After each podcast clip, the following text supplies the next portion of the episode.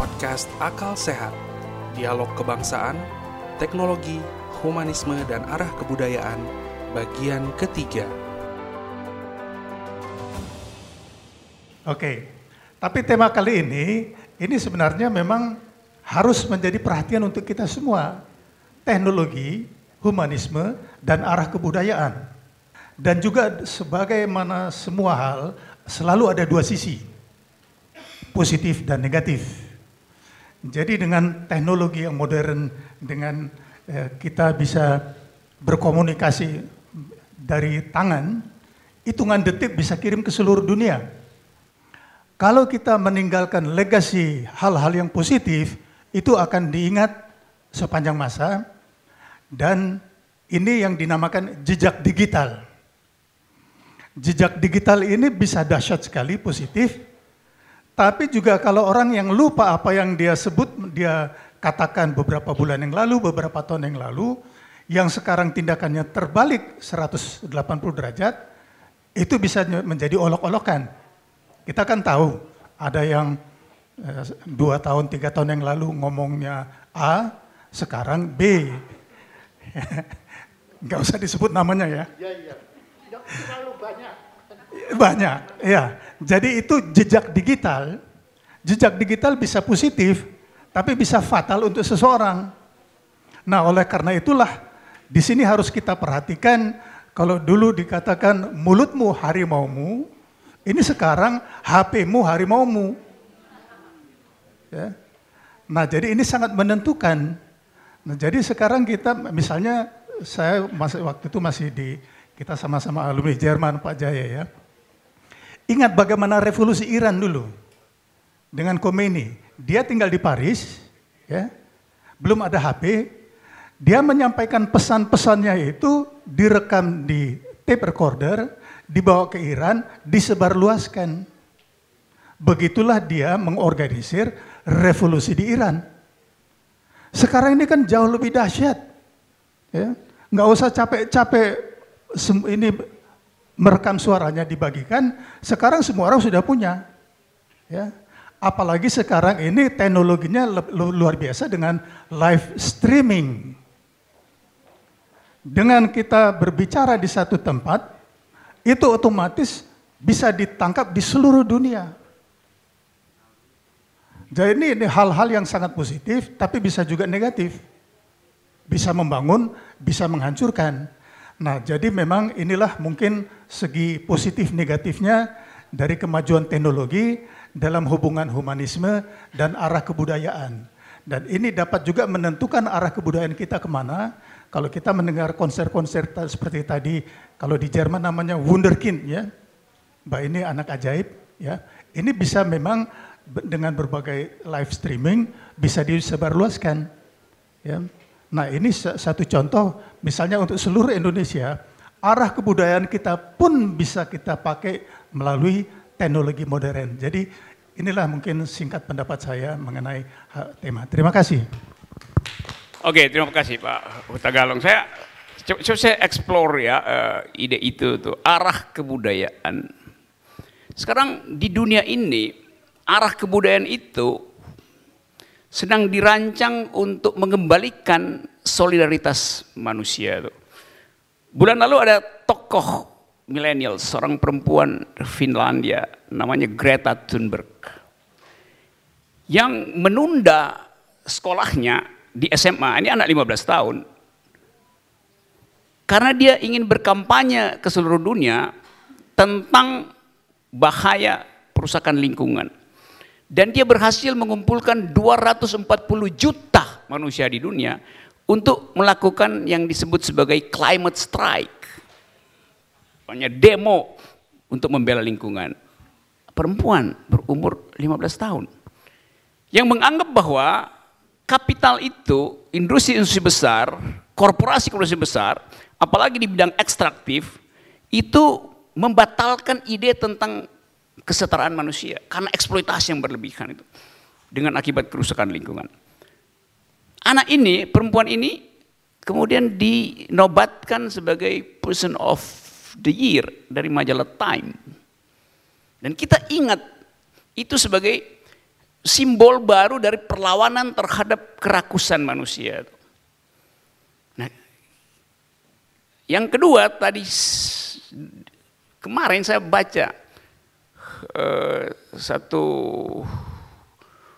udah lama sebetulnya paper itu saya, saya baru baca ulang uh, statement resmi dari Paus Franciscus yang dengan tegas mengatakan bahwa dunia ini sedang dirusak oleh kapitalisme. Jadi dua-duanya adalah arogansi. Akumulasi kapital bukan kapitalnya yang yang yang uh, yang arogan, tapi bukan kapitalnya yang merusak, tapi arogansi orang yang menggunakan kapital gitu.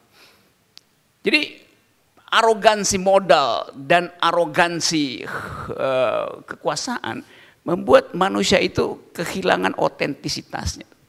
Nah, kita ada di dalam suasana itu juga sekarang. Anak perempuan 15 tahun bicara di dunia, mengedarkan tata bahasa baru tentang environmental ethics. Sementara di kita satu-satunya isu adalah pindahkan ibu kota ke Kalimantan yang udah pasti merusak lingkungan itu.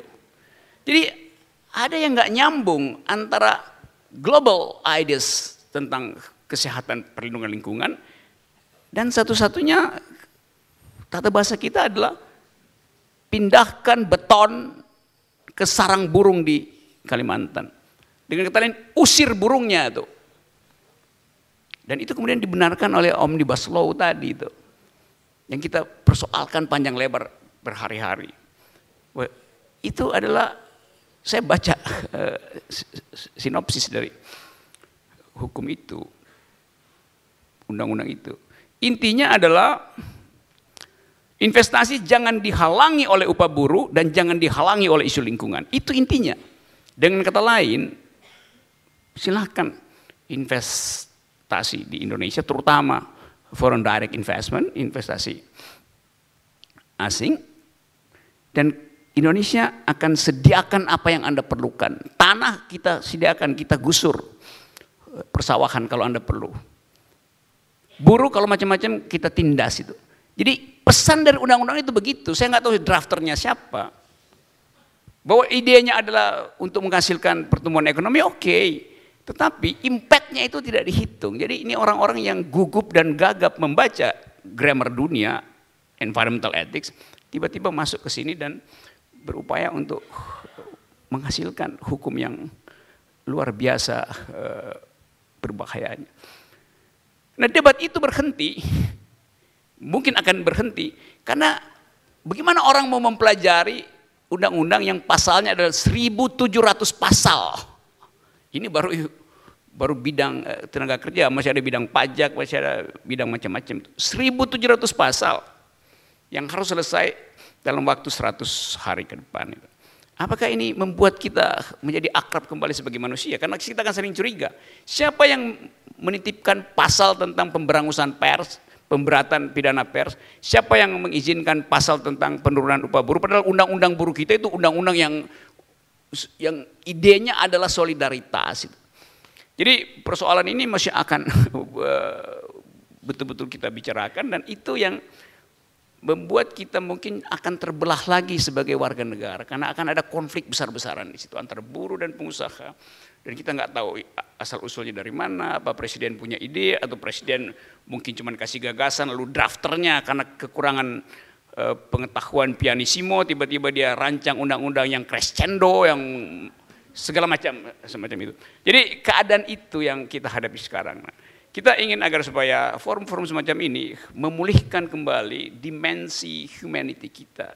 Supaya kita satu waktu bisa mengatakan bahwa ah, ke keadilan sosial Pancasila sudah dijalankan. Saya tadi baca eh, kolom dari Pak Jaya di Republik RMOL. Dia bilang bahwa ini tanggal 29 Februari tanggal yang tidak adil bagi mereka yang berulang tahun karena hanya empat tahun sekali uh, bisa merayakan. Jadi 29 Februari itu tanggal yang bertentangan dengan Pancasila itu ya. Oke, okay. teman-teman itu uh, komentar saya. Uh, Pak Jaya, silakan. Ya, akhirnya kembali lagi rupanya pemilihan apa lagu Beauty and the Beast itu memang adalah tema peradaban manusia. Tadi uh, beliau bilang tentang kapitalisme, ya, dan beliau bilang juga tentang humanisme. Sebenarnya ini adalah pertarungan sejak awal manusia mulai beradab. Sejak manusia mulai beradab, masalahnya bukan cari makan, ya, bukan lagi uh, cari rumah karena sudah punya makan dan punya uh, cukup dan tetapi adalah pertarungan antara the beauty melawan the beast. Itu dari dulu. Saya sedih sekali sebetulnya ya. Sejak tahun 2016 itu kan saya memang mencoba mendalami apa yang disebut sebagai kemanusiaan. Ya, saya sedih sekali karena sebetulnya ya, Pak Uda, Pak Uda Galung, apakah pas uh, sila kedua itu masih perlu? Ya, rasanya nggak enak Pak, karena ada tetapi dianggap tidak ada. Itu yang menyakitkan. Lebih baik nggak ada sudah. Tapi ini ada tetapi dianggap tidak ada.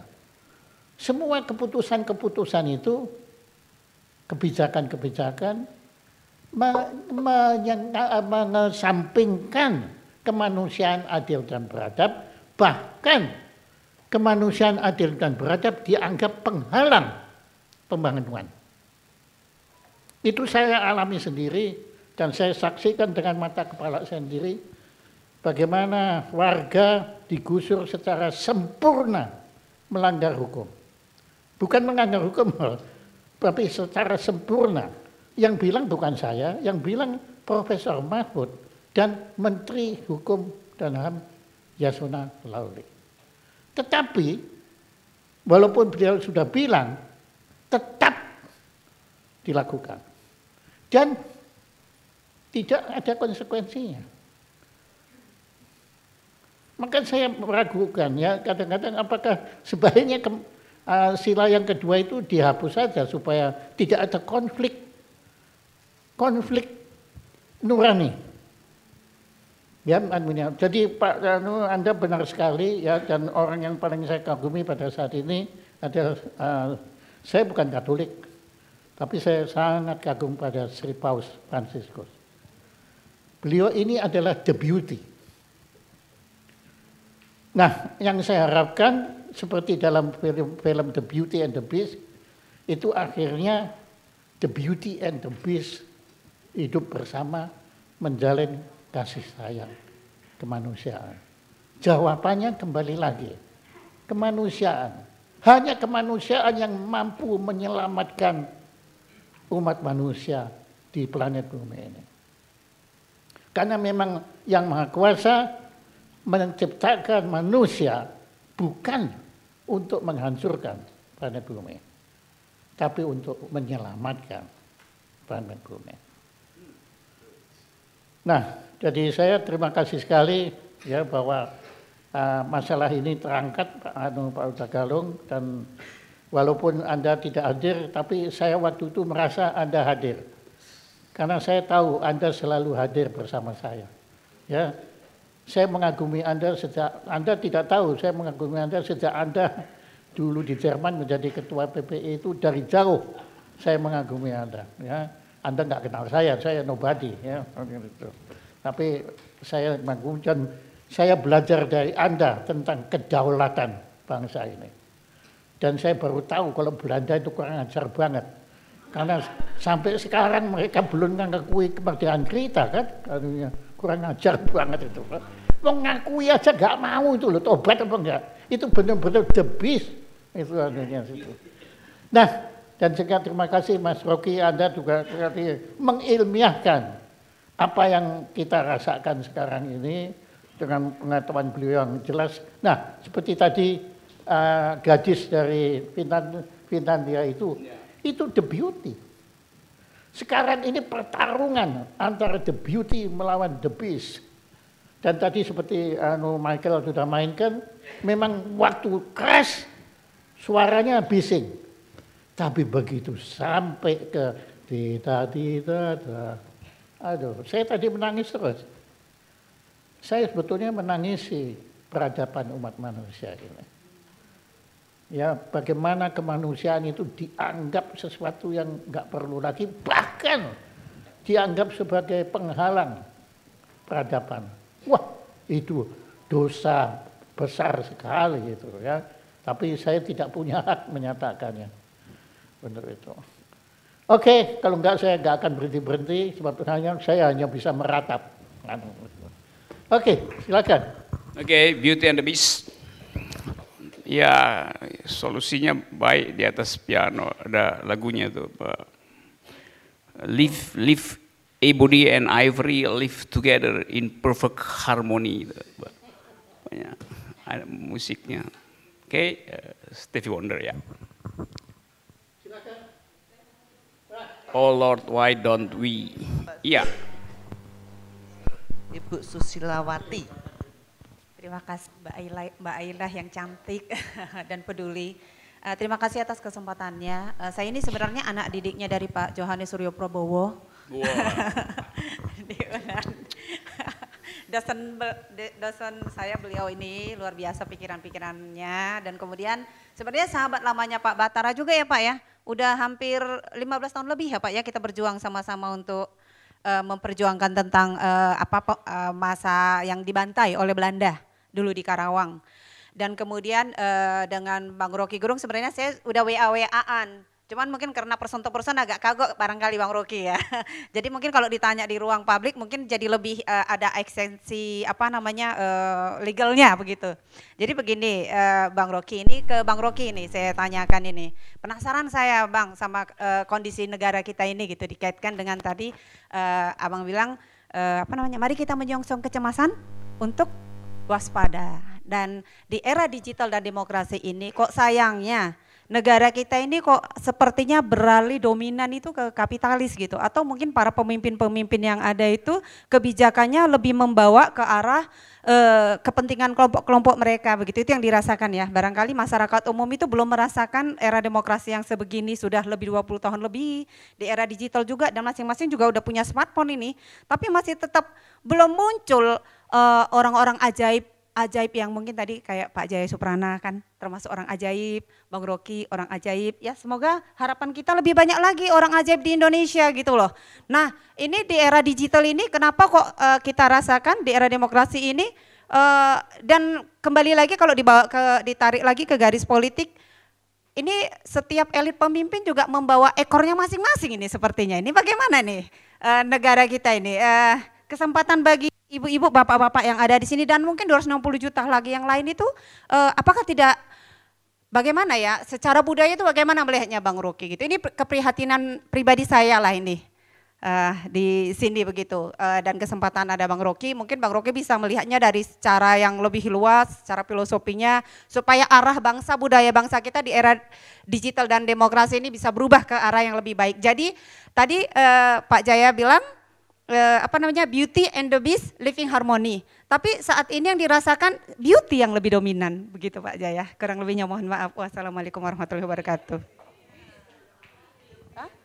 Eh maksudnya the beastnya, iya iya maksudnya si itu dalam bayangan saya yang manusia singa itu kan, nah itu yang dominan gitu ketimbang si beauty-nya gitu. Demikian terima kasih. Oke, okay. kecemasan itu sesekali kita lihat dia muncul. Pada waktu banjir kemarin, Anda lihat sekelompok orang menyerbu Mall Ion. Apa tandanya? Ada protes, tapi dia nggak tahu mau protes ke mana banjir itu.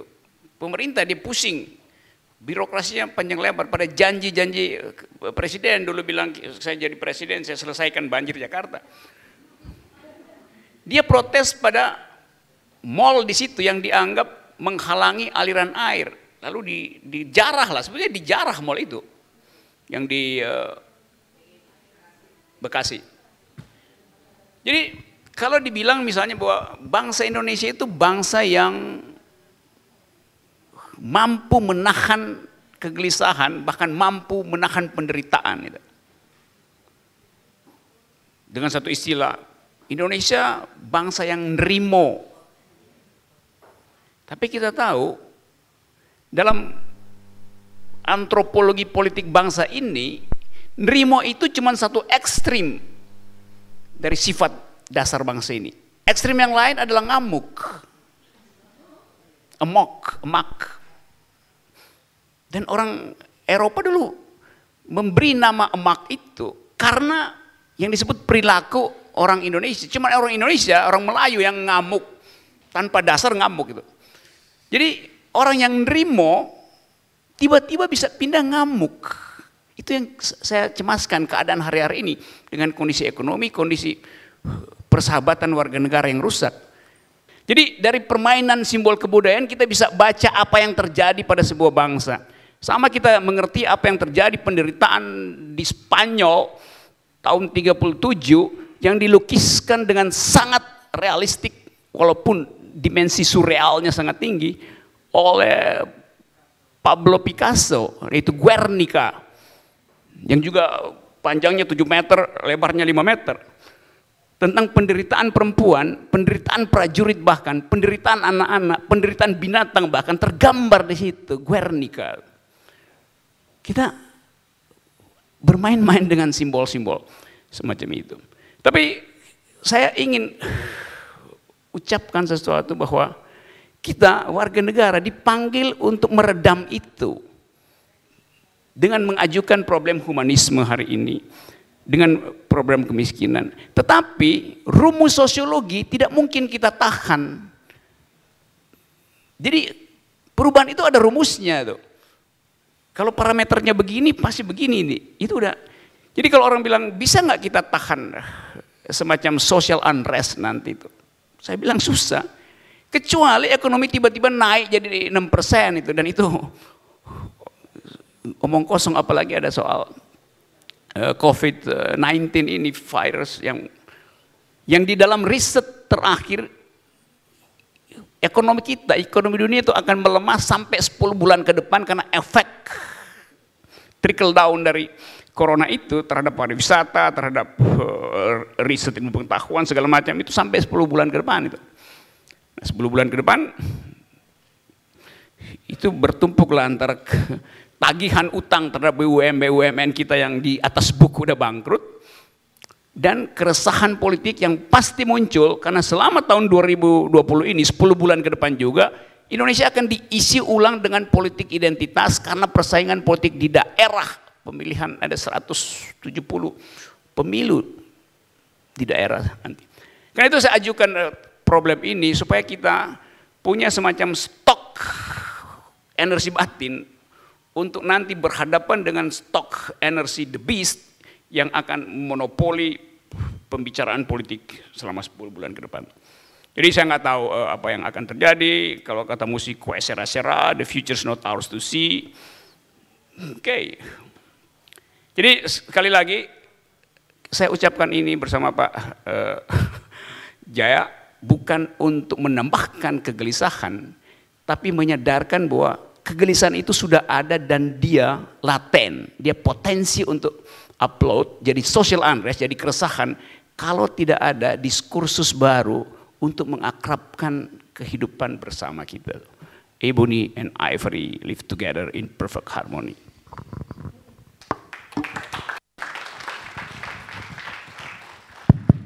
Uh, walaupun pertanyaannya diajukan ke uh, Pak Rocky, uh, tapi saya memberanikan diri untuk ikut menjawab. Uh, selama yang menjadi sasaran adalah pertumbuhan ekonomi.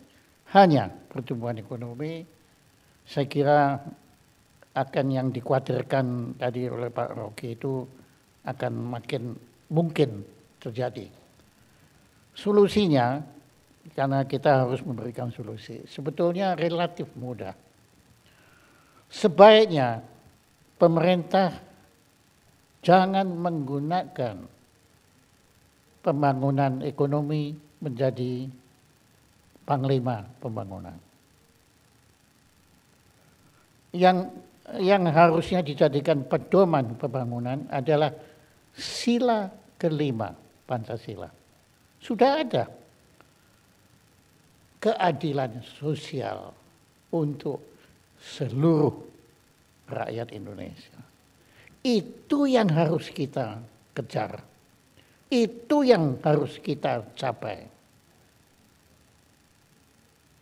Sebab tanpa kesenjangan sosial, tadi beliau bilang kita mungkin bisa naik berapa puluh persen pun, tetapi kalau itu bukan keadilan sosial, yang menikmati kenaikan itu hanya sebagian kecil rakyat Indonesia. Sekarang ini adalah yang terjadi baru pada tahap keadilan sosial untuk sebagian kecil rakyat Indonesia. Saya berani menyatakan itu karena saya kebetulan termasuk. Saya nggak munafik. Saya akui, saya termasuk kepada sebagian kecil yang sudah menikmati nikmatnya kemerdekaan bangsa Indonesia. Saya. Anda pun yang di ruangan ini saya yakin juga termasuk. Tapi di luar ruangan ini masih jauh lebih banyak sesama warga Indonesia yang kurang beruntung seperti kita. Beliau-beliau masih belum bisa menikmati nikmatnya kemerdekaan bangsa Indonesia. Nah, ini tadi yang beliau nyatakan adalah seperti tadi pompa bensin itu. Yang pompa bensin ini akan selalu hadir selama sila kelima itu hanya menjadi slogan. Tapi belum menjadi pedoman pembangunan. Jadi yang Makanya saya betulnya sangat menyayangkan. Ahli-ahli ekonomi kita dahsyat-dahsyat semua. Hebat-hebat semua. Kenapa kok tidak mau menggunakan keadilan sosial untuk seluruh rakyat Indonesia sebagai pedoman pembangunan. Gak usah malu. Adam Smith pun menyatakan itu. Orang kan selalu bilang kapitalisme asalnya dari Adam Smith. Wah Adam Smith kalau tahu dia bisa bunuh diri. Ya Adam Smith itu bukan bukan menciptakan kapitalisme. Itu pemikiran Adam Smith dimanfaatkan oleh orang-orang yang mau menikmati keuntungan dari kapitalisme. Tapi Adam Smith Anda baca, saya anu Adam Smith itu tebelnya segini, anu World of Nation itu saya letakkan di sebelah meja kerja saya. Tetapi anda jangan lupa Adam Smith pula yang menciptakan satu buku yang lebih tipis. Tetapi ini lebih penting. Jadi selama ilmu-ilmu ekonomi itu tidak dijalankan dengan moral, dengan akhlak, maka akan menjadi the beast. Tapi kalau ilmu ekonomi ini dijalankan dengan bukunya Adam Smith yang tipis tadi, itu pedomannya. Ya, kalau yang lain itu tekniknya, bagaimana beloknya, persenan berapa. Tapi arahnya itu ditentukan oleh buku yang kedua, yang moral statement itu. Dan saya kira itu Adam Smith kalau masih hidup juga akan setuju kalau saya bilang kemanusiaan itu harus menjadi mahkota peradaban. Jangan kemanusiaan diinjak-injak oleh peradaban. Kalau itu bukan peradaban, tapi kebiadaban itu namanya. Terima kasih.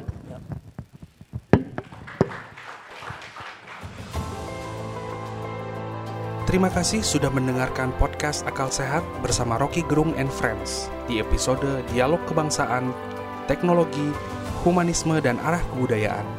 Simak kelanjutannya di bagian keempat.